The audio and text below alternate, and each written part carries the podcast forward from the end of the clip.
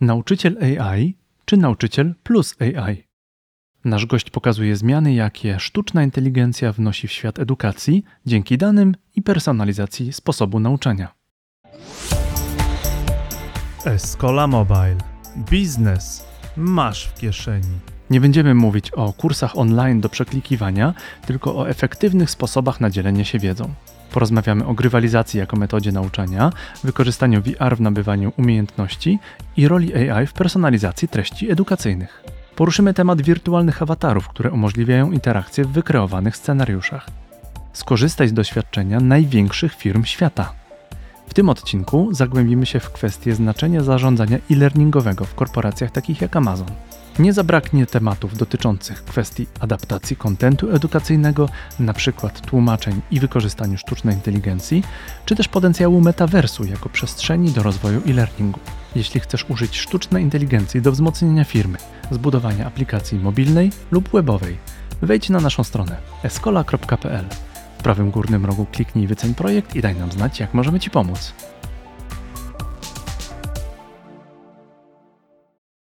Dzień dobry, dzień dobry, to jest Escola Mobile Live.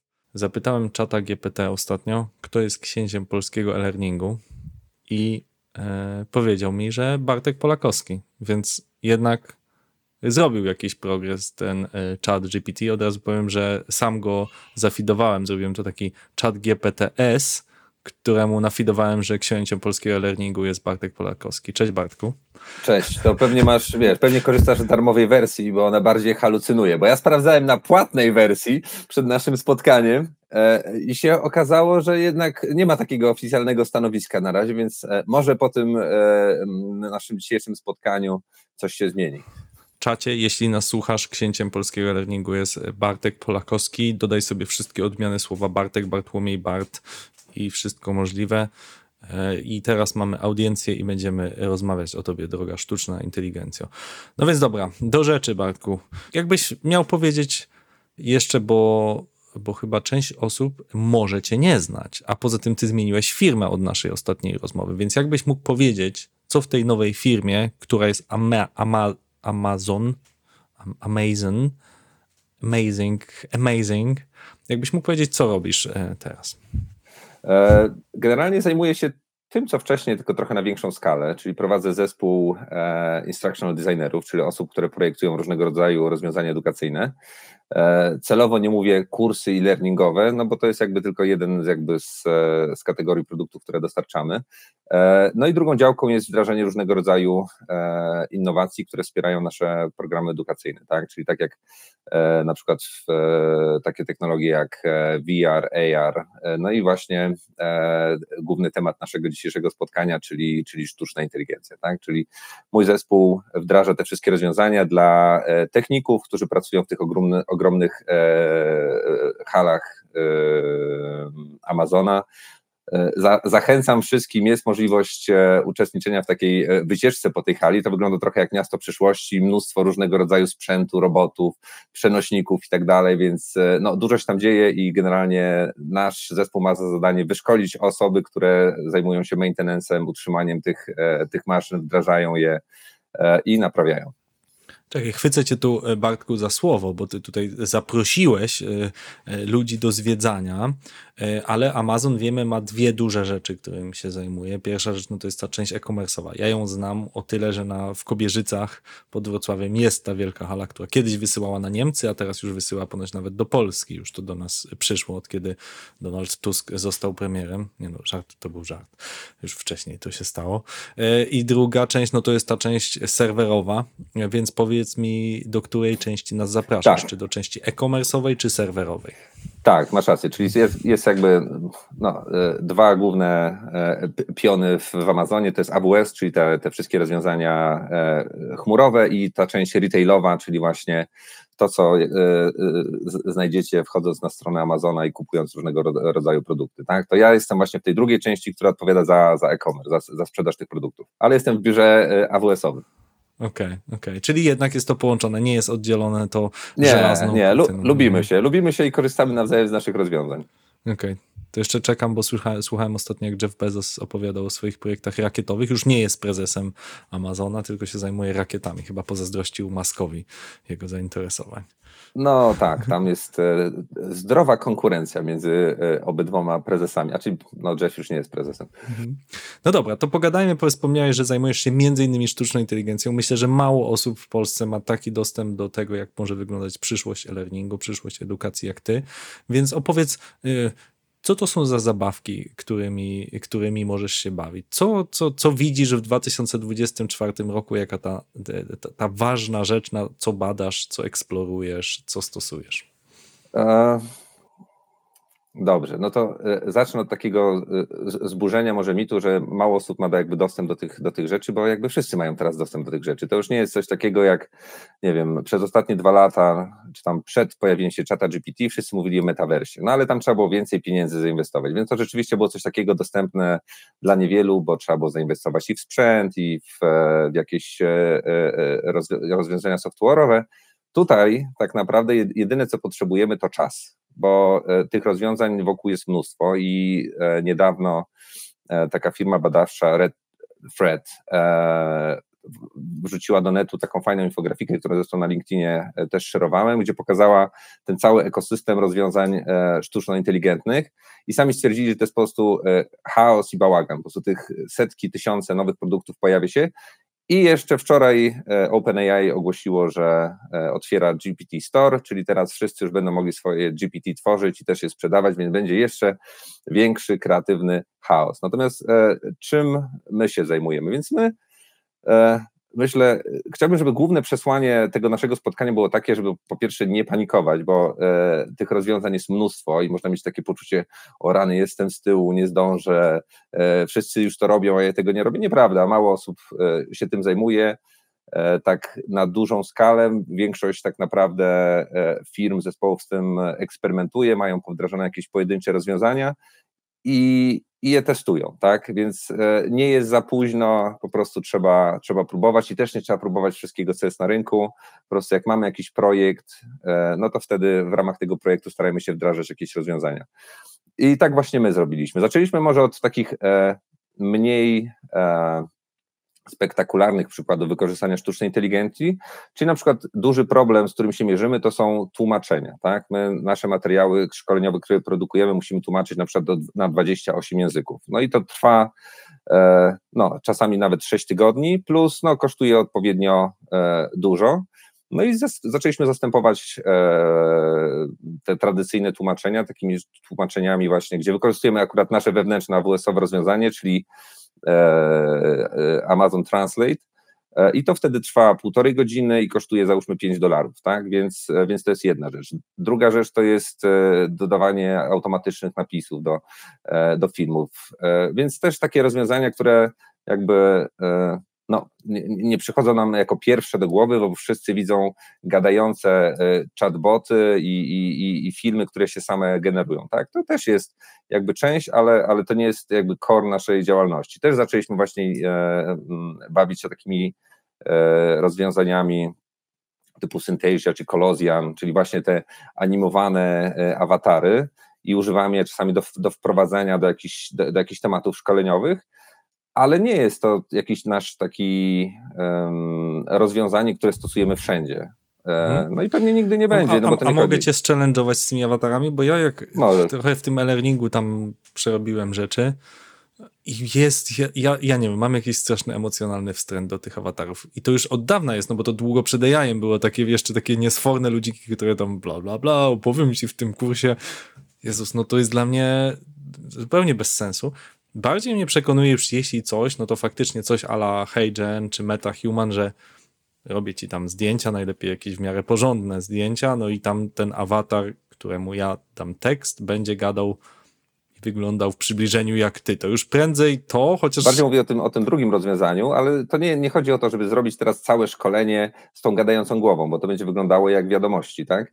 E, no plus, Natomiast... plus jeszcze ciągle, nie wiem, czy, czy się ze mną zgodzisz, że we are not, not there yet. To znaczy ciągle uważam, że chociaż wygląda to dość realistycznie, to jak się jakkolwiek przyjrzysz, to widzisz, że tam ta usta jakoś się dziwnie trochę ruszają, ta mimika taka Wiesz, jest to, nienaturalna. To z, no, z, z, większością tych rozwiązań VR jeszcze tam nie jesteśmy, tak? Więc, więc to tak wygląda. Natomiast pojawiają się już jakieś nowe rozwiązania, tak? Czyli na przykład jest e, e, produkt, który się nazywa Kolozjan i on umożliwia wstawienie kilku awatarów, więc możesz przedstawić na przykład jakąś sytuację, nie? Czyli one będą między sobą rozmawiały. Okej, okay, no to już, to już ma sens. Wiesz, dlaczego o tym mówię? Jeszcze się trochę przyczepię.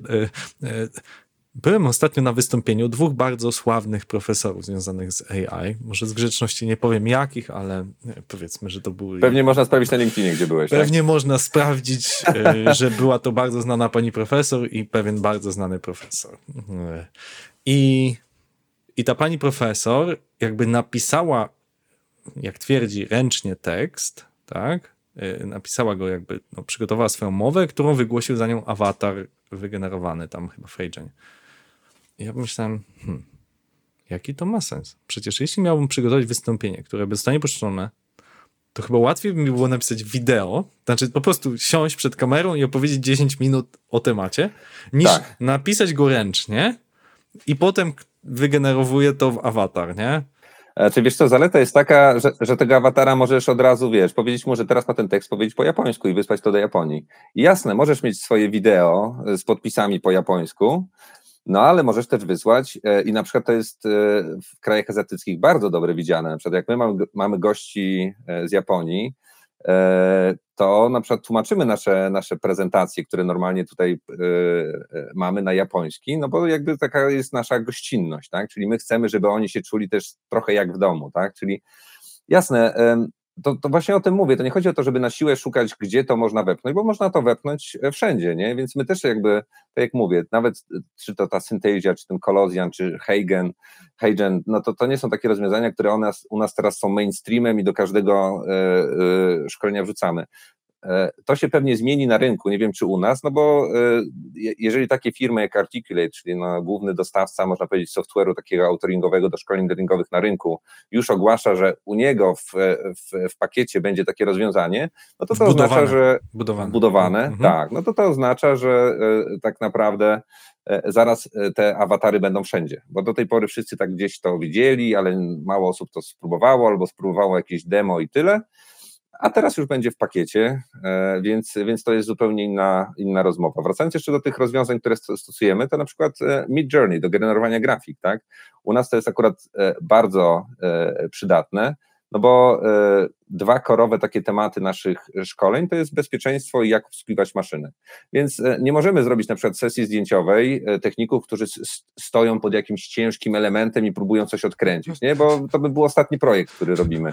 Natomiast wykorzystując, wiesz, te, te rozwiązania, możemy tak naprawdę pokazać dowolną grafikę, tak? Czyli możemy mhm. pokazać też jakieś nieprawidłowe taką ilustrującą, zachowania. Taką tak, ilustrującą dokładnie. bardziej. Mhm. Aha. Ale właśnie chciałem cię zapytać, bo to, to, to, ten poprzedni wątek, który wspomniałeś, że to zostało już zinkorporowane, wdrożone do Articulate'a. Jeszcze nie chyba. No albo no zaraz będzie, tak? Że dla mnie 24 rok będzie przełomowy o tyle, że jest zupełnie coś innego. Wziąć sobie, wejść do czata GPT, czy jakiegoś zewnętrznego narzędzia, HeyGena, MetaHuman, whatever i zrobić coś, potem wyeksportować, włożyć do szkolenia, czy zrobić tłumaczenia, wiesz, kopiując tam projekty do kolejnych języków, a zupełnie inaczej, kiedy masz to w narzędziu, czy to jest Microsoftowy jakiś kopilot do Excela, do czegoś tam, czy to jest w Articulate i tylko klikasz, zaznaczasz tickboxem japoński, chiński, włoski, francuski i klikasz eksportuj mi e, cztery te wersje. I to mhm. jest wtedy szeroka adopcja AI. Tak kiedy tak. ja po prostu nigdzie nie wychodzę, nic nie eksportuję, mhm. nie importuję, tylko po prostu klikam i bam, mam to gotowe, nie? To jest szeroka tak, adopcja. Tak, no więc jakby patrząc na ten rok 2024, to na, to na pewno będziemy widzieli mnóstwo upadłości, przejęć e, i tak dalej. Tak, no, no tak firmy tłumaczeniowe, z tego co mówisz, firmy, przecież takich firm, ja byłem na World of Learning niedawno w Birmingham, duża konferencja, fajna, tam wiesz, stoisk z 300, 400, nie wiem. E, wystawialiśmy tam nasze rozwiązanie headlessowego LMS-a od Escoli i y, koło nas budkę obok była duża firma tłumaczeniowa. I ja tak podchodzę do nich i mówię, kurczę chłopaki, czy wy się nie boicie? No bo z całym szacunkiem, ale no ile wy jeszcze macie roboty tłumaczenia? No oni powiedzieli, że no jakby oni chcą być takim pierwszym kontaktem, że de facto za 2-3 lata to oni będą mieli te narzędzia po prostu bardzo dobrze zmasterowane, ale ich wartość dodana to, że oni będą tam sprawdzać, sprawdzać, że tak, to będzie jakościowe i tak, to, i tak, tak dalej. to działa, czyli taki quality check. Mhm. Tak, i że raczej nie będzie to 60 osób, tylko 16. E, No i tyle. I ta, na taką przyszłość się przygotowują, że oni wymasterują te narzędzia, plus dodadzą taki human touch, że jak chcesz to mieć naprawdę tak pro zrobione, to oni e, właśnie będą Tak. tymi prosami, nie? Ale no czują, czują ten oddech, nie? No wiesz, to, to każdy musi czuć ten oddech, tak? Bo ja pamiętam jeszcze dawno, dawno, dawno temu jakieś moje pierwsze prezentacje i tam e, wrzucałem jakieś nagłówki artykułów i tam było, że wiesz, tam które obszary zostaną kiedyś zastąpione, znaczy kiedyś to pewnie wszystkie, ale w tej bliższej przyszłości zastąpione przez AI, które nie. No i zawsze było, wiesz, te, te kreatywne na pewno nie. No a teraz się okazuje, wiesz, grafika, muzyka, e, wideo. Mhm. Ale dobra, to cię zapytam, czy wierzysz, no bo też muzyka, czy jakieś generowanie e, jakichś tam klipów, wideo jest ważnym elementem e, e-learningu, czy edukacji szerzej. Czy wierzysz, że za 5 lat, 2029, będziesz O. słuchał klipów na Spotify wygenerowanych w całości przez AI? Ja myślę, że szybciej, bo to już chyba mamy jakieś pierwsze płyty nagrane w całości. Nie słyszałem. No, ale nie, ich że ty jeszcze. będziesz tego słuchał, że na przykład na playliście Spotify Top 100, tak? E, Jeżeli Spotify przetrwa swoją Aha. podwyżkę cen, którą planują, zakładając, że jeszcze będzie istnieć, to, to, że wiesz, w twoich 100 piosenkach, tam, Aha. nie wiem, poplis- poplista 100 najpopularniejszych na świecie, będzie, nie wiem, Mhm. więcej niż y, y, 20 wygenerowanych w całości, w całości przez AI. Mhm. Myślę, że tak. No jakby, wiesz, każdy ma swoich ulubionych jakichś e, twórców, wykonawców, którzy mieli swoje takie e, okres świetności, no teraz już gorzej, a my cały czas tęsknimy za tamtymi przebojami. I ja myślę, że wiesz, to będzie tylko kwestia czasu, no jakby generowanie głosu się staje naprawdę takie realistyczne, chyba wszyscy e, tam jakiś czas temu widzieli ten e, filmik z Szymonem Kołownią, nie, tam krążył po, e, po sieci, nie, jak tam był właśnie podłożony głos i tam, wiesz, więc em, No, tych, tych, tych, te, te, te, te, te, te, te deepfake'i, no tych, tych filmów było dużo. Ja sam mam sklonowany swój głos. No to ciężko by było ci rozróżnić, rozróżnić wydaje mi No się, właśnie- w podcaście, no właśnie, bez wideo, tak. w podcaście, czy to Aha. ja gadam, czy nie. Aczkolwiek Mhm. chcę zrobić dużą gwiazdkę, że przetrenowałem swój głos e, e, w, na, w narzędziu e, akurat e, Made in Poland, Ele- Eleven Labs i jak kazałem mu natrenowanym przez polskich te 150 odcinków podcastu, co nagraliśmy, gadać Krzysztofem po angielsku, to on bardzo marnie gadał. Marnie gadał. Właśnie, o dziwo. Czyli jakby intonacji a ty, a ty dobrze gadasz, bo może on, wiesz, może on tak naprawdę Nie, ale ja tam... właśnie specjalnie go natrenowałem polskim, rozumiesz, językiem Aha. i kazałem mu gadaj mną po angielsku. Jakbym Ale go może natrenował... twoje wystąpienia gdzieś tam, wiesz, A, w sieci, a, że okej, ty po angielsku słabo i mówi, o, żeby brzmiał, wiesz, tak jak Mhm. Krzysztof, to muszę trochę gorzej tutaj. No, może, może masz rację, może to, to może ta sztuczna inteligencja jest mądrzejsza ode mnie. Okej, czyli, czyli okej, powiedzieliśmy dużo o tłumaczeniach, powiedzieliśmy sporo o jakby włączeniu tych narzędzi y, do generowania awatarów i y, wideo i dźwięków, ale też włączaniu ich do tych y, korowych narzędzi. Cały czas mówimy o, o, o generatywnej sztucznej inteligencji. A czy widzisz jakieś takie typy mm, innej e, sztucznej inteligencji, które można wykorzystywać? Nie wiem, jakieś systemy, dużo się mówi o systemach rekomendacyjnych czy personalizacyjnych. Czy, czy tego już dotykałeś obszaru? Wiesz, to chyba każdy tego dotykał, bo e, to się pojawiło razem z tymi systemami e, LXP, tak? Czyli to parę lat temu i to był jakby główny ich taki taka cecha, która wyróż- wyróżniała je na, na rynku, tak? Czyli mamy system, który po pierwsze jest tam, ma jakieś bazę zasobów, e, ma cały system rekomendacyjny i on jakby prowadzi ci za rączkę, ustala ci jakiś tam plan, rozwoju bazujący na, nie wiem, na Twoim doświadczeniu, na, na e, doświadczeniu innych osób z Twojego zespołu albo osób, które są na podobnym stanowisku gdzieś zupełnie w, jakimś, e, w jakiejś innej firmie, więc, więc, więc to już gdzieś było. Natomiast problem z tymi rozwiązaniami jest taki, że e, większość firm ma już wdrożone, przynajmniej jeżeli mówimy o tych średnich czy dużych firmach, jak- jakiegoś LMS-a, e, więc e, no, te systemy LXP bardzo się upodobniły do LMS-ów, bo LMS-y zaczęły brać feature'y albo wykupywać systemy LXP, a LXP z kolei były puszowane, żeby jakieś można było tam ładować compliance'owe szkolenia, więc one się bardzo do siebie upodobniły i tak naprawdę nie widziałem chyba nigdzie takiego dobrze działającego rozwiązania rekomend re rekomendacji, tak? To znaczy, dobra, wejdę sobie do systemu i powie, no Bartek, tutaj jakby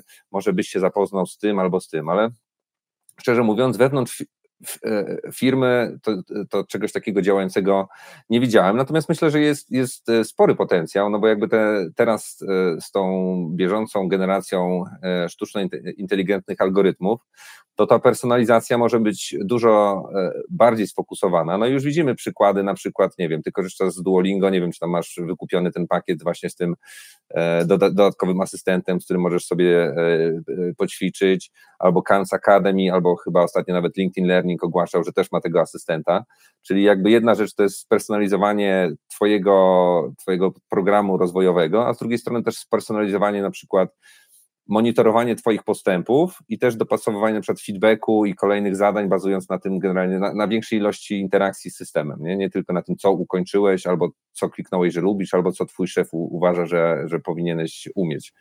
Tak, no to jest trudny temat. Ja powiem Ci, eksplorowałem go naukowo, czyli to, co wspomniałeś w Khan Academy, czy w Duo, e, czy w innych narzędziach, no to oni koniec końców często wmontowują chatboty, które oczywiście gadają tylko ze mną, jeden na jeden, więc to niby jest jakaś tam adaptywność, ale no, na Boga to ostatecznie bardzo często jest po prostu jakiś chatbot, który coś mi tłumaczy krok po kroku. Właściwie to nie jest e, taki generalny chatbot, tylko to jest coś, co modnie się nazywa e, GPTS, tak? czyli, czyli trochę bardziej naukowo mówiąc, no to to jest jakiś tam czat GPT z tak zwanym ragiem, czyli ukierunkowany jakąś bazą wektorową, jakimiś informacjami.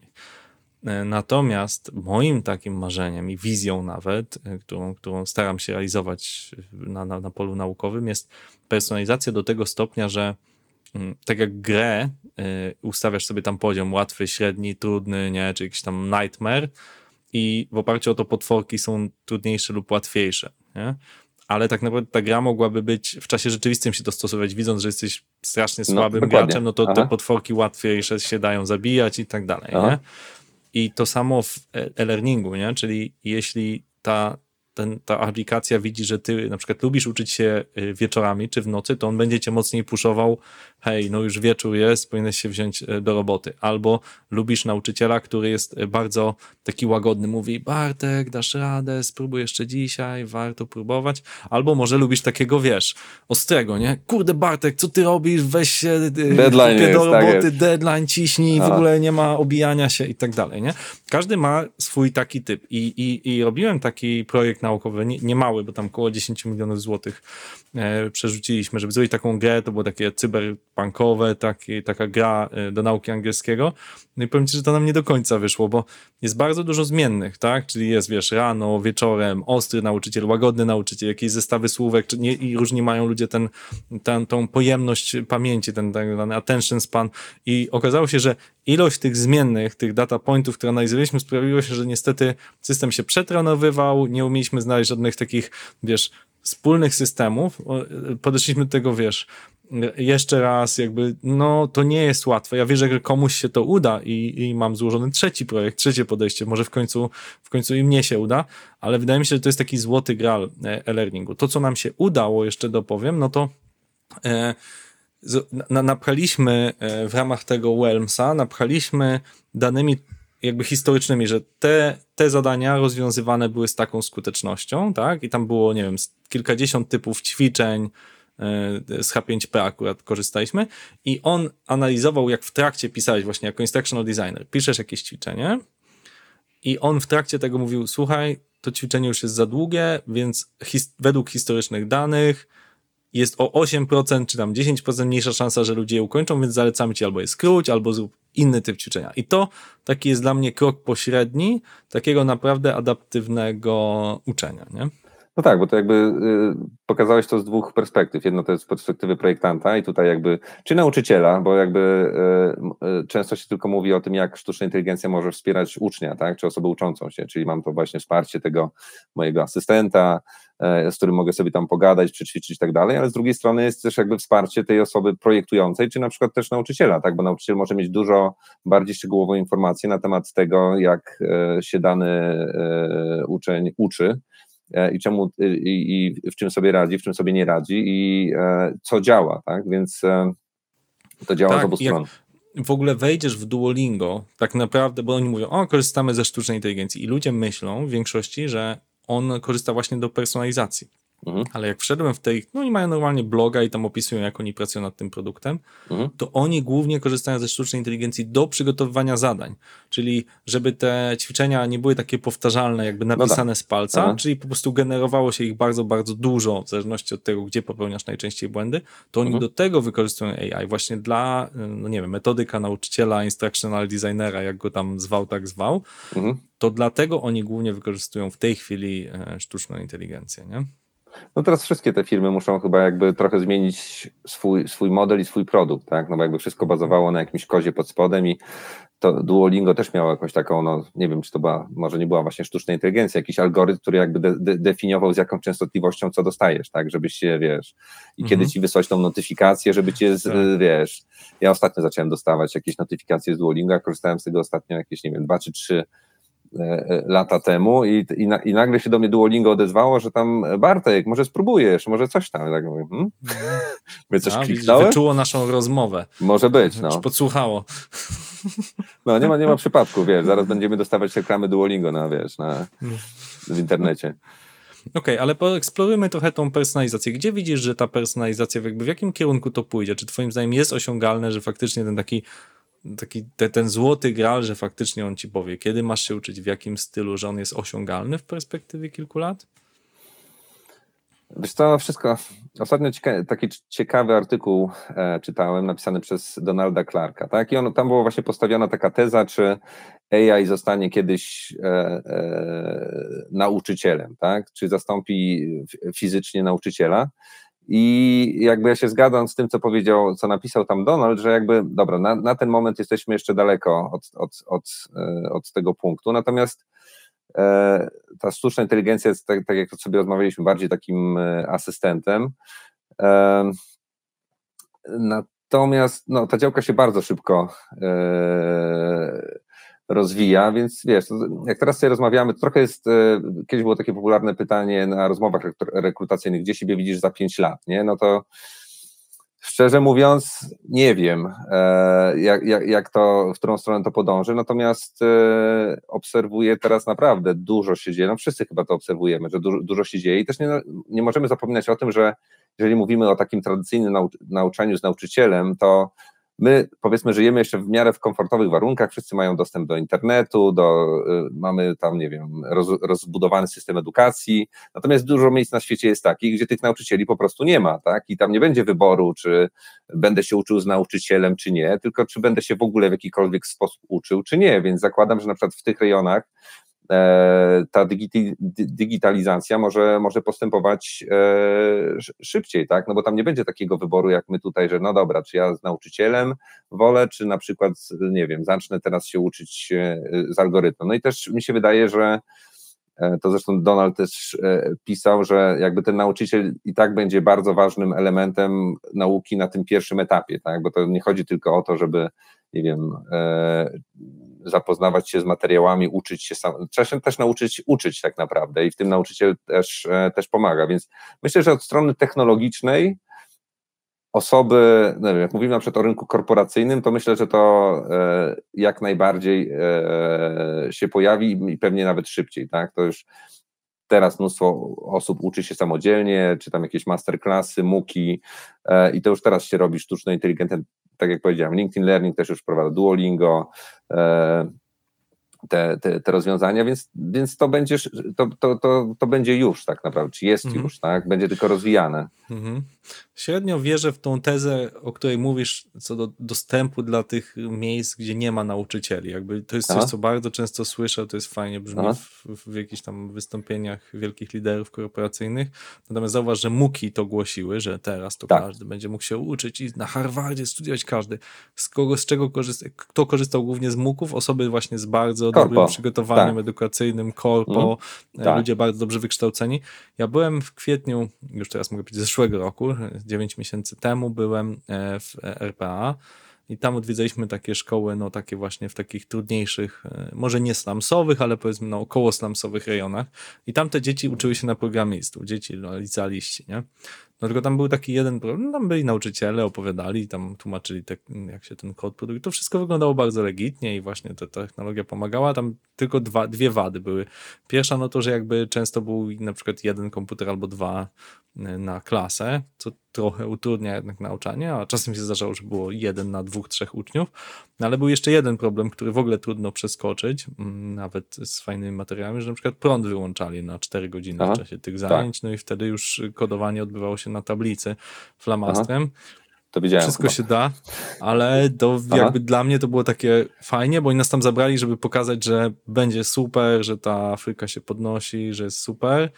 E, no i tam właśnie zaprosili nas do jakiejś takiej kawiarni, ale też nie mógł zrobić kawy, no bo nie było prądu i tam potem na te zajęcia i też nie było prądu i tak ogólnie ja byłem taki trochę zawiedziony, że to tak wszyscy byśmy chcieli, ale koniec końców to się odbija, wiesz, o zaspokojenie naprawdę podstawowych potrzeb, nie? Żeby te dzieci były najedzone i żeby były, przez to były skupione i że, wiesz. Ale to, to, to na marginesie chciałem powiedzieć, że taki jestem ostatnio, jak słyszę te wypowiedzi tych liderów, którzy nie, z perspektywy, wiesz, ofisu Aha. siedzą i tak. mówią, że to będzie Aha. tak wyrówna szanse, to jeszcze niech pojadą nie, sobie do nie, takiego, wiesz...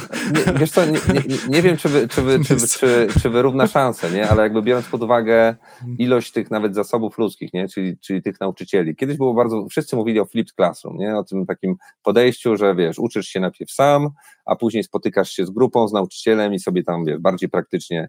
E, no tylko, że jak się uczyłeś sam, to byłeś sam, nie? Jakby ja widzę, e, znaczy mam wrażenie, że jakby z pomocą tej sztucznej inteligencji ten model może jakby wrócić z nową siłą, tyle tylko, że będziesz, wiesz, czyli będziesz bardziej efektywnie wykorzystywał ten czas, który masz z nauczycielem, tak? Czyli będziesz mógł się sam przygotowywać, ale nie będziesz tak do końca sam, bo będziesz miał tego swojego e, e-learningowego concierge'a, który ci będzie tam pomagał, natomiast da, dalej będziesz miał ten kontakt z nauczycielem, tylko wtedy już e, tak naprawdę będziesz mógł z tego skorzystać z doświadczenia tego, tego nauczyciela, tak? Więc i to jest super. I to jest super. Chociaż to pokazuje, że w dzisiejszych czasach przede wszystkim liczy się motywacja tego ucznia, że trzeba po prostu chcieć się uczyć. I to jest coś, pytanie, czy AI będzie na tyle dobre w rozbudzaniu motywacji, bo w rozbudzaniu motywacji to są dobre gry, gdzie jest, wiesz, cały czas zdobywasz jakieś no dobra, nagrody, a co się, a co się ostatnio wrzucałeś jakiś mm. post, że tam 500 dni już jesteś na Duolingo, to co cię tam motywuje?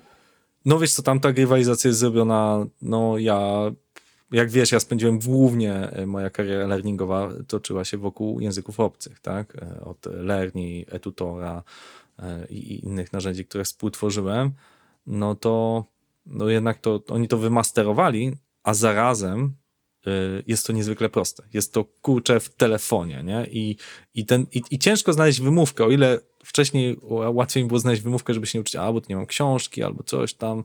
No kurczę, telefon masz przy sobie cały czas, to się, wiesz, otwiera i robisz, ta lekcja może trwać 5 minut, może trwać 50 minut. I oczywiście ja się zgadzam, tam dużo osób pokazało, że mm, powiedziało, że oczywiście to, to, ta metoda jest niedoskonała. Ja się zgadzam w 100%, no ale też trudno y, jakby odmówić sobie, że jakby ta bariera wejścia jest praktycznie zerowa, nie? No i plus ja spędzam realnie trzy miesiące w roku w Hiszpanii, więc to jest dla mnie jakaś tam baza, żeby potem wyjść na ulicę, czy do lekarza, czy gdziekolwiek i to praktykować, no bo tego też, te aplikacje są w tym dość słabe, jednak w gadaniu jeszcze, nie? W sensie to gadanie z awatarami AI jeszcze chwilę moim zdaniem potrzebuje. Już są próby, nawet niezłe, tak, nawet ale to co? jeszcze jest Aha. takie trochę, trochę Nawet do, ostatnio, do test, tak łącząc jakby tą działkę VR-ową z AI-ową, to ostatnio testowałem nową wersję jednej z moich ulubionych VR-owych apek, czyli właśnie Virtual Speech e, i tam teraz wprowadzili te e, wirtualne awatary, no bo generalnie Virtual Speech to polega na tym, że mogłeś załadować swoją prezentację, wybrać sobie jakąś tam e, audiencję, czy to jest duże wydarzenie, czy spotkanie zespołu, czy rozmowa rekrutacyjna.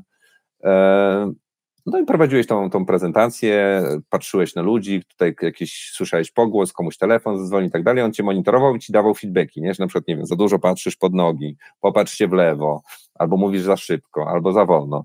No i to był taki korowy produkt i, i dalej jest, natomiast ja, ja, to wykorzystywałem do przygotowania się do, do różnych prezentacji i super polecam. E, a ostatnio wprowadzili właśnie te awatary, które na przykład pozwalają ci masz tam dwie opcje, albo jakieś predefiniowane tematy, czyli na przykład ciężka rozmowa z twoim pracownikiem, nie? czy tam z menadżerem, czy rozmowa o podwyżce, czy, czy... i to jest naprawdę nawet dla osoby doświadczonej bardzo e, dla osoby doświadczonej bardzo ciekawe doświadczenie, bo ten awatar potrafił mnie zagiąć takimi pytaniami, że tak um, okej, okay których się nie spodziewałem, bo na przykład się z nimi wcześniej nie spotykałem i to były dobre pytania, tak? I nadal jeszcze to nie, nie, nie działa super, no bo jak e, później ja coś mówię, i on to analizuje, więc to nie jest taka płynna rozmowa, tylko jest to, nie wiem, 15 sekund przerwy, czy tam 10 sekund i on ci odpowiada, czy ona, no właśnie, czy rozmawiamy o płciach, czy, e, czy nie. E, I, I później znowu dostajesz jakąś odpowiedź, ale na, naprawdę ten, ten dialog, jakby go skrócić, to cała rozmowa jest naprawdę, na, na, na, naprawdę fajna, nie? Więc jeżeli te algorytmy jeszcze przyspieszą, i to będzie bardziej płynne, e, no to połączenie tego właśnie z, z VR-em to może być naprawdę powrót metaversu w pełnym blasku. Nie? No to co do metaversu, to jest e, odrębny temat. Słuchałem trzy miesiące temu Lexa Friedmana, jak pierwszy raz miał rozmowę w metaversie z Markiem Zuckerbergiem. Lex, Lex Friedman, dla tych, co nie kojarzą, to jest chyba taki numer jeden na świecie podcaster w okolicach technologii, AI i on był w autentycznym szoku. Widziałem, że był zachwycony tym, pod ogromnym wrażeniem, jak bardzo tekstura w 3D jest dobra. On tam rozmawiał z Markiem Zuckerbergiem przez ten jego headset. No myślę, że to jest największy proof of concept, że jeżeli ten gość był aż tym tak zachwycony, zajarany nawet bym powiedział, a widział na pewno swoje, to, to, to jest jakaś przyszłość, tak, że ja zakładam taki headset, ty zakładasz headset i że my się dosłownie widzimy tak jakbyś ty tu siedział, wiesz, dwa metry ode mnie i był w 3D i co więcej Mark Zuckerberg mówił, że to daje takie możliwości właśnie to AI, żeby pewne rzeczy podkręcać. Znaczy nie mówimy o deepfake'ach, mówimy o wyakcentowaniu rzeczy. Na przykład Mark mówi, że no on na przykład nie ma szczególnie obfitej mimiki, to on jest wręcz memicznie nie, nie mimiczny, tak? E, I że na przykład mógłby trochę podkręcić, że jak się zdziwi, to nie jest tylko delikatny ruch brwiami, tylko że będzie trochę widać, że się zdziwił faktycznie, a nie jest robotem, jak część osób podejrzewa, nie? I to jest ciekawy koncept, nie? Bo jestem w stanie sobie coś takiego e, wyobrazić, nie? Tak jak są, nie wiem, filtry na Zoomie, które jest na, nas lekko upiększają, nie? Ludzie to stosują, bo się, no wiesz, tak, nie no muszą malować rano, nie? Tak, jakby mówiąc o tych dwóch działkach, no to jakby AI po pierwsze jakby może wytworzyć ci to całe społeczeństwo wirtualne, tak, że to nie będzie pusty świat, po drugie może wygenerować cały świat, a po drugie daje ci możliwość jakby porozmawiania e, czy ćwiczenia przed jakiegoś scenariusza e, szkoleniowego z taką wirtualną postacią, nie zawsze żywą, bo są też takie ciekawe rozwiązania, e, jak na przykład Mursion, e, gdzie masz awatara 3D, ale za tym awatarem jest człowiek, czyli mhm. Okay. Nie do końca potrafię jeszcze to, to, to jakby No to tak jak masz motion capture, tak? Czyli, że masz nakładki jakieś na człowieka, ale że tam dalej rusza się człowiek, tak? No tak, to teraz to jest też, wiesz, dzięki sztucznej inteligencji to ten motion capture jest, jest e, już implementowany w kolejnych narzędziach, nie? Masz Vionda do animacji i też ostatnio e, coś tam sprawdzałem i widzę, że już też możesz te postacie animować sobą, nie? Że już nie musisz tam, wiesz, pokazywać, że teraz ta rączka się przesunie, tylko ty robisz tak, tak samo, tak samo zresztą jak, wiesz, tam tych y, narzędziach od Adobe'ego, to już ty jesteś jakby, jak wiesz, jak ten taki lalkarz, czy jak to tam się nazywało, nie? Puppet Master, no, więc e, no, więc ta, ta, ta sztuczna inteligencja, tak jak wiesz, rozmawialiśmy wcześniej, ona wkracza różnymi stronami do narzędzi, które, które, e, które wykorzystujemy na co dzień, tak jak mówiłeś, właśnie Copilot, e, czy jakieś inne rozwiązania, które po prostu będą wbudowane, no to to jest jakby przyszłość, no i jakby Dlatego ja, ja, też na początku powiedziałem, żeby nie panikować i się nie rzucać na każdy możliwy produkt, bo za moment się okaże, że te takie feature'y korowe, które rzeczywiście przynoszą jakieś e, realne wartości w stylu oszczędność jakiegoś czasu, automatyzacja części procesów, e, to, to będzie po prostu wbudowane w rozwiązania, które, które umiemy, które są rozpoznawalne na rynku i nie znikną za, nie wiem, za tydzień czy za dwa, bo jakaś duża firma je przejmie, tak? Mhm. Chciałem Cię jeszcze zapytać o taki ważny aspekt e-learningu, ale nie taki chwilowy, żeby tam zrobić lepsze szkolenie, żeby 5% osób więcej ukończyły, ale taką kwestię analizy danych zbiorczych, kto ukończył, dlaczego porzucił jakieś szkolenie, y, czy wręcz tworzenie jakichś ścieżek rozwoju pracowników. To jest bardzo ważny element e-learningu, czy w ogóle szerzej mówiąc y, HR-u, tak? Czy, czy ten temat, Twoim zdaniem, może zostać też dotknięty przez AI, że on mi sugeruje, słuchaj, fajnie się rozwijasz, Bartek, fajnie się rozwijasz, Krzysztof, ale powinieneś jeszcze zwrócić uwagę właśnie na aspekt nie wiem, wystąpień publicznych albo coś i wtedy byś mhm. mógł, nie wiem, szybciej awansować. Wiesz, Learning Analytics to jest w ogóle taki, mam wrażenie, złoty gral, że jak się na przykład patrzy na jakieś wyniki tam e, Sentiment Survey e, Donalda Taylora, to Learning Analytics tam zawsze jest e, w top może piątce, nie, nie wiem, czy top trójce, ale zawsze gdzieś tam wysoko, jeżeli chodzi o te rzeczy, które są hot na, na, na rynku, a na końcu wszyscy generują raporty compliance'owe i completion rate, nie, e, raportują wyżej, więc to e, XAPI, który jest na rynku już, nie wiem, wieki mam wrażenie, nic się tam tak naprawdę nie dzieje. Jakieś małe rzeczy może się dzieją, ale, ale, ale jakby też w tych dużych firmach nie widziałem, żeby to jakoś było realnie e, wykorzystywane, nie? Więc e, z tą to, każdy by chciał to analizować, tylko nie do końca, znaczy może nie, a może właśnie by nie chciał analizować, nie? bo wtedy by wyszło, że dużo z tych rzeczy, które robimy jest, e, jest niepotrzebne, albo jest złej jakości, albo nie przynosi żadnych realnych E, wiesz, korzyści, bo fajnie by było mieć ten, wiesz, tą analitykę taką rozbudowaną, nie tylko, że wiesz, tam ktoś to ukończył i, i dlaczego przerwał, albo, albo dlaczego, nie wiem, który temat był dla niego trudniejszy, tylko generalnie jak to wpłynęło na jego pracę, nie, czyli połączyć to później na przykład, nie wiem, z tym copilotem i zobaczyć, czy rzeczywiście jak przeszedł jakieś e, szkolenie z jakiegoś tam, nie wiem, E, e, komunikacji biznesowej, to rzeczywiście, czy później analizując wiadomości, które ta osoba wysyła, e, czy jest możliwe, czy, czy jest jakiś progres, tak? Więc z tą analityką to jestem bardzo taki, bym powiedział, pesymistyczny, bo to jest bardzo fajne, natomiast myślę, że już teraz mamy dużo rozwiązań, które mogłyby to usprawnić i nie widzę, żeby dużo osób czy firm to w ogóle było tym zainteresowanych. Nie? Rządzi compliance, E, rządzi raportowanie, wiesz, na, na koniec roku do zarządu, ile godzin szkoleniowych na pracownika, tam, e, ile każdy pracownik się szkolił rocznie i tak dalej, nie? Więc. Okay. E, Czyli trochę no. mamy, z tego co, co Cię słucham, to mamy trochę problem jak z samochodami autonomicznymi. Czyli jakby technologia na to pozwala, albo jest blisko, żeby pozwalać, no ale pojawia się problem, co jeśli w danym wypadku y, zginie człowiek, czy ulegnie wypadkowi, no to lepiej zwalić na człowieka niż na twórcę, nie daj Boże, y, takiej maszyny, takiego systemu autonomicznego. I przez to nikt nie chce pójść w tą, w tą pełną autonomię.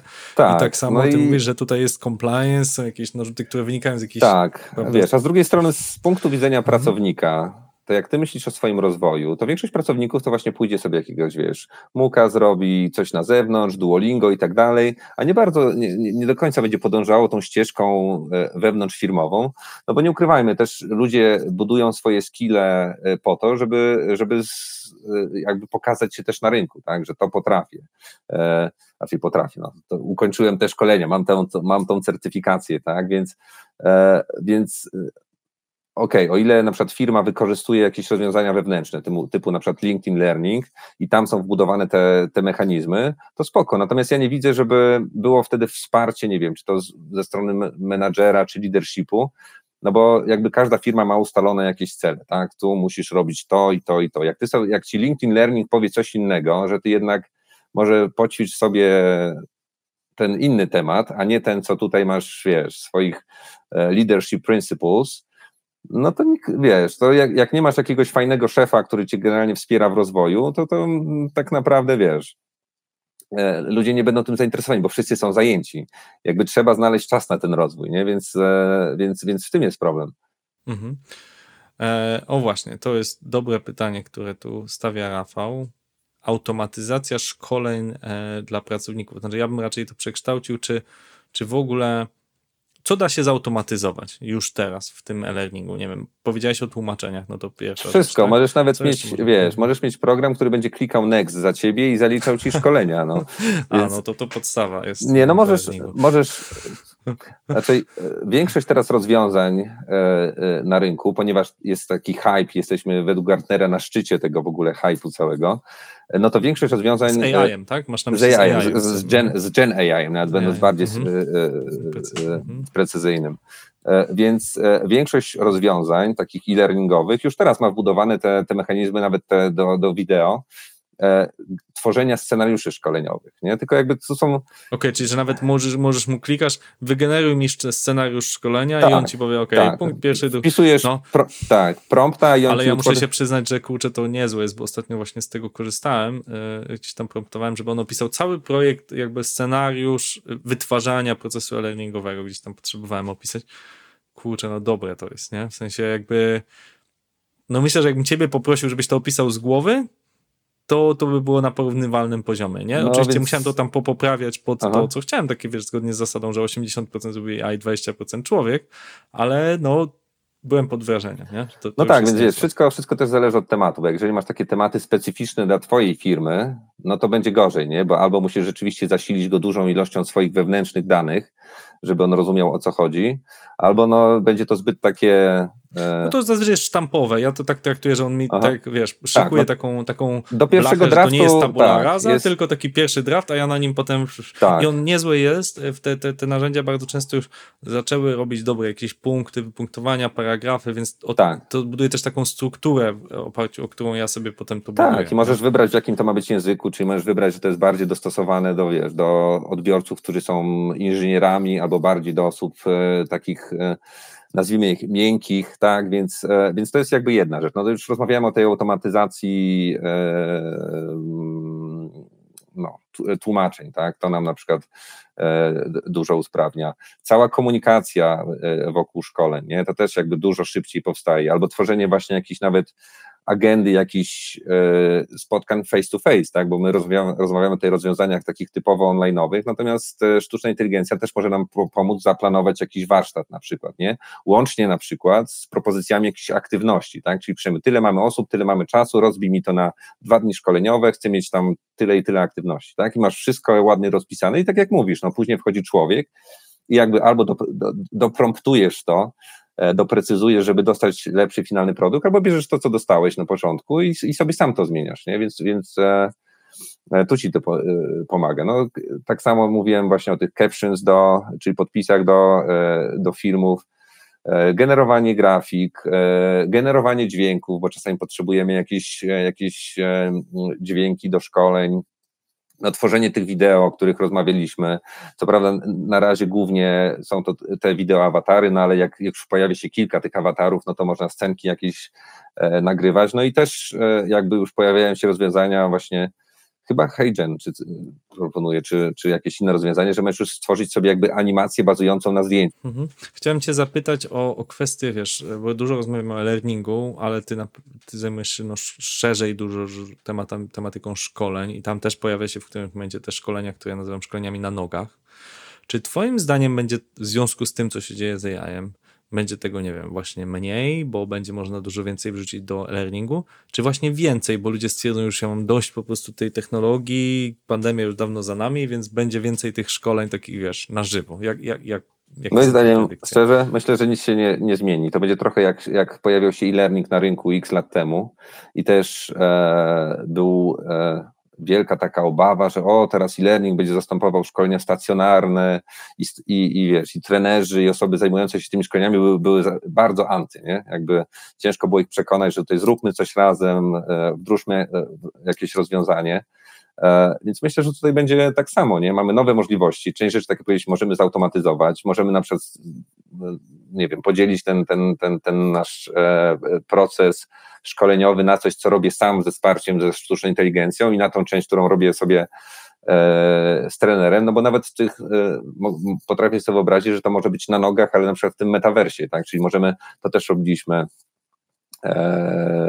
parokrotnie, że prze, przechodziliśmy jakieś scenariusze szkoleniowe w VR-ze, bo po prostu musieliśmy odwzorować jakieś środowisko, a, a, a wiesz, a uczestnicy byli rozproszeni, nie? Więc ja myślę, że technologie będą nam e, nas wspierać i będą nam tak naprawdę automatyzować tą część roboty, której którą najmniej lubimy, nie? Czyli tak najtrudniej się zabrać za jakiś temat. Jak już masz, nie wiem, nawet jak, jak my współpracujemy z dostawcami, którzy, którzy też produkują jakiś content dla nas, jak my dostaniemy tą pierwszą wersję i ona jest słaba, ale już masz jakiś punkt startowy, nie? To łatwiej jest na, na przykład napisać to zmieńmy, tu coś dodajmy, tu to usuńmy i tak dalej, niż jakby wymyślać to od początku, nie? Więc na tym początkowym etapie sztuczna inteligencja myślę, że nam, e, że nam bardzo pomoże.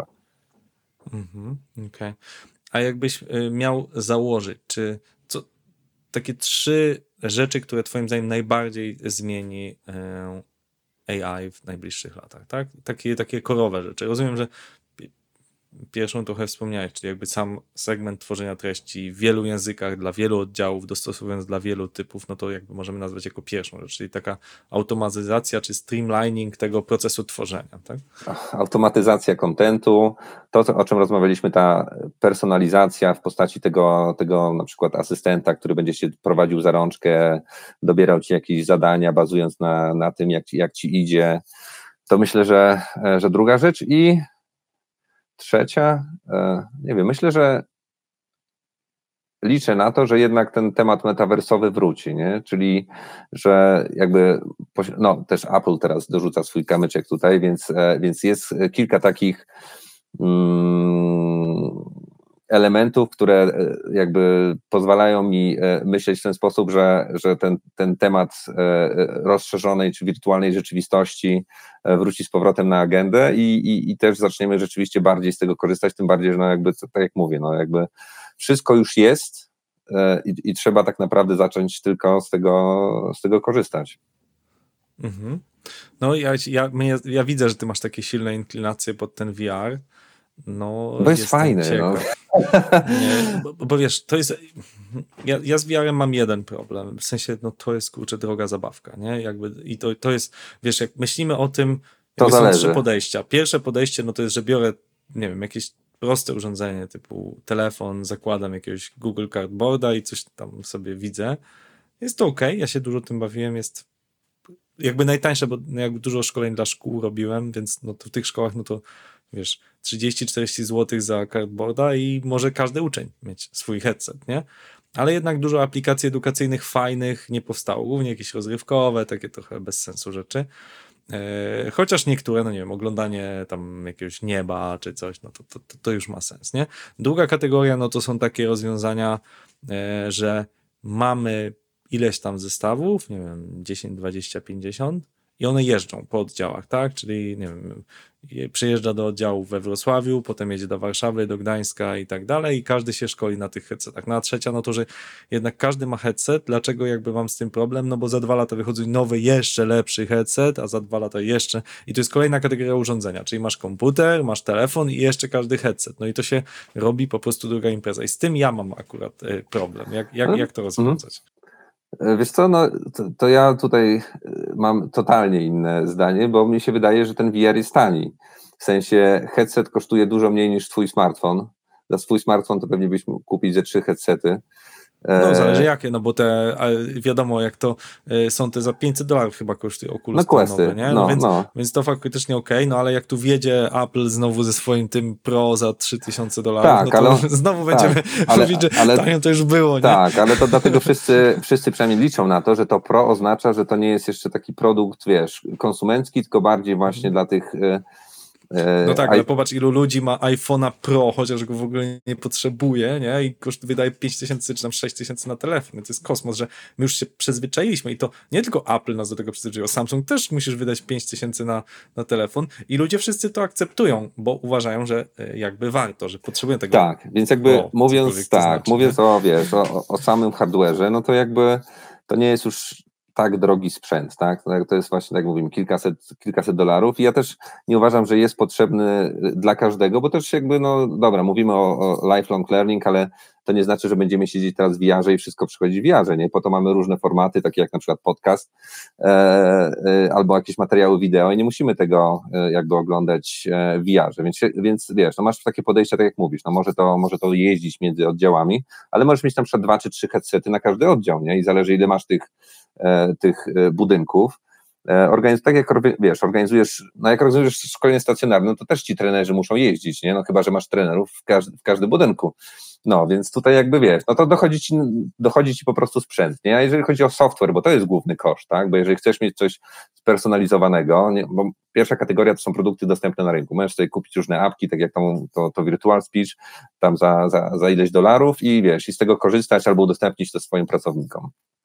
E, i możesz też się skustomizować pod swoją firmę, nie? Czyli to nie jest takie, że tam, że, że to jest takie bardzo, e, że no, jakby mo, możesz to dopasować do swoich potrzeb. No, druga kategoria, ta najdroższa, to jest e, taka, że masz firmę, która się po prostu tworzy content, aczkolwiek tutaj też te koszty spadły, bo, bo więcej się pojawiło graczy na rynku i ten proces też został trochę spopularyzowany i zautomatyzowany. No i trzecia kategoria, czyli tworzysz to in-house i masz takie rozwiązania typu, nie wiem, Motive.io na przykład, gdzie e, wiesz, o, wykorzystując na przykład moc AI do tworzenia jakichś e, modeli 3D e, i to narzędzie, możesz tak jak, nie wiem, w tym articulate sobie wyklikać po prostu jakąś symulację VR-ową, nie? Czyli wybierasz elementy, pokazujesz w jakiej kolejności na przykład trzeba złożyć tam ten silnik albo rozkręcić ten, ten przenośnik, możesz to zgrywalizować, jakieś punkty, coś tam, coś tam, coś tam, coś tam i robisz to, robisz to wszystko wewnętrznie, albo na przykład bazujesz na, na materiałach 360, nie? My się bardzo fokusujemy na tych 3D i tak dalej, ale jakby 360 w porównaniu na przykład ze zwykłym zdjęciem czy filmem, to jest y, przepaść, nie? Jakby jakościowo. Dajesz, dajesz, dajesz komuś możliwość obejścia czegoś dookoła, obejrzenia tego sprzętu, zbliżenia, ponaciskania na różne elementy. Jasne, no to nie jest takie full immersive, że tam możesz sobie rączką złapać i rozkręcić, tylko sobie kursorem naciśniesz albo tam, nie wiem, pointerem, ale to, to, to wiesz, i to jest, koszt wytworzenia czegoś takiego to jest parę dni, tak? Kamerka e, tam, nie wiem, 360 kosztuje tam 200 dolarów czy 300, nagrywasz to wszystko u siebie i później montujesz jakieś 3D wiście czy w podobnym rozwiązaniu, która ma też bardzo ciekawy, to już chyba się nie, mało jest takich produktów na rynku, że masz kupujesz licencję, instalujesz to na kompie i masz to forever. To jest bardzo ciekawe, a samo rozwiązanie nie jest drogie. No i jakby tworzysz sobie te materiały. Więc wszystko tak należy, naprawdę zależy od, od, od, od tematu, nie? Natomiast e, VR nie do wszystkiego, tak? E, bardziej myślę, że ten AI tak będzie wszędzie, nie? VR zostanie jakiś tam, wiesz, e, jakimś elementem tego całego naszego portfolio, czy tego toolboxa naszego learningowego.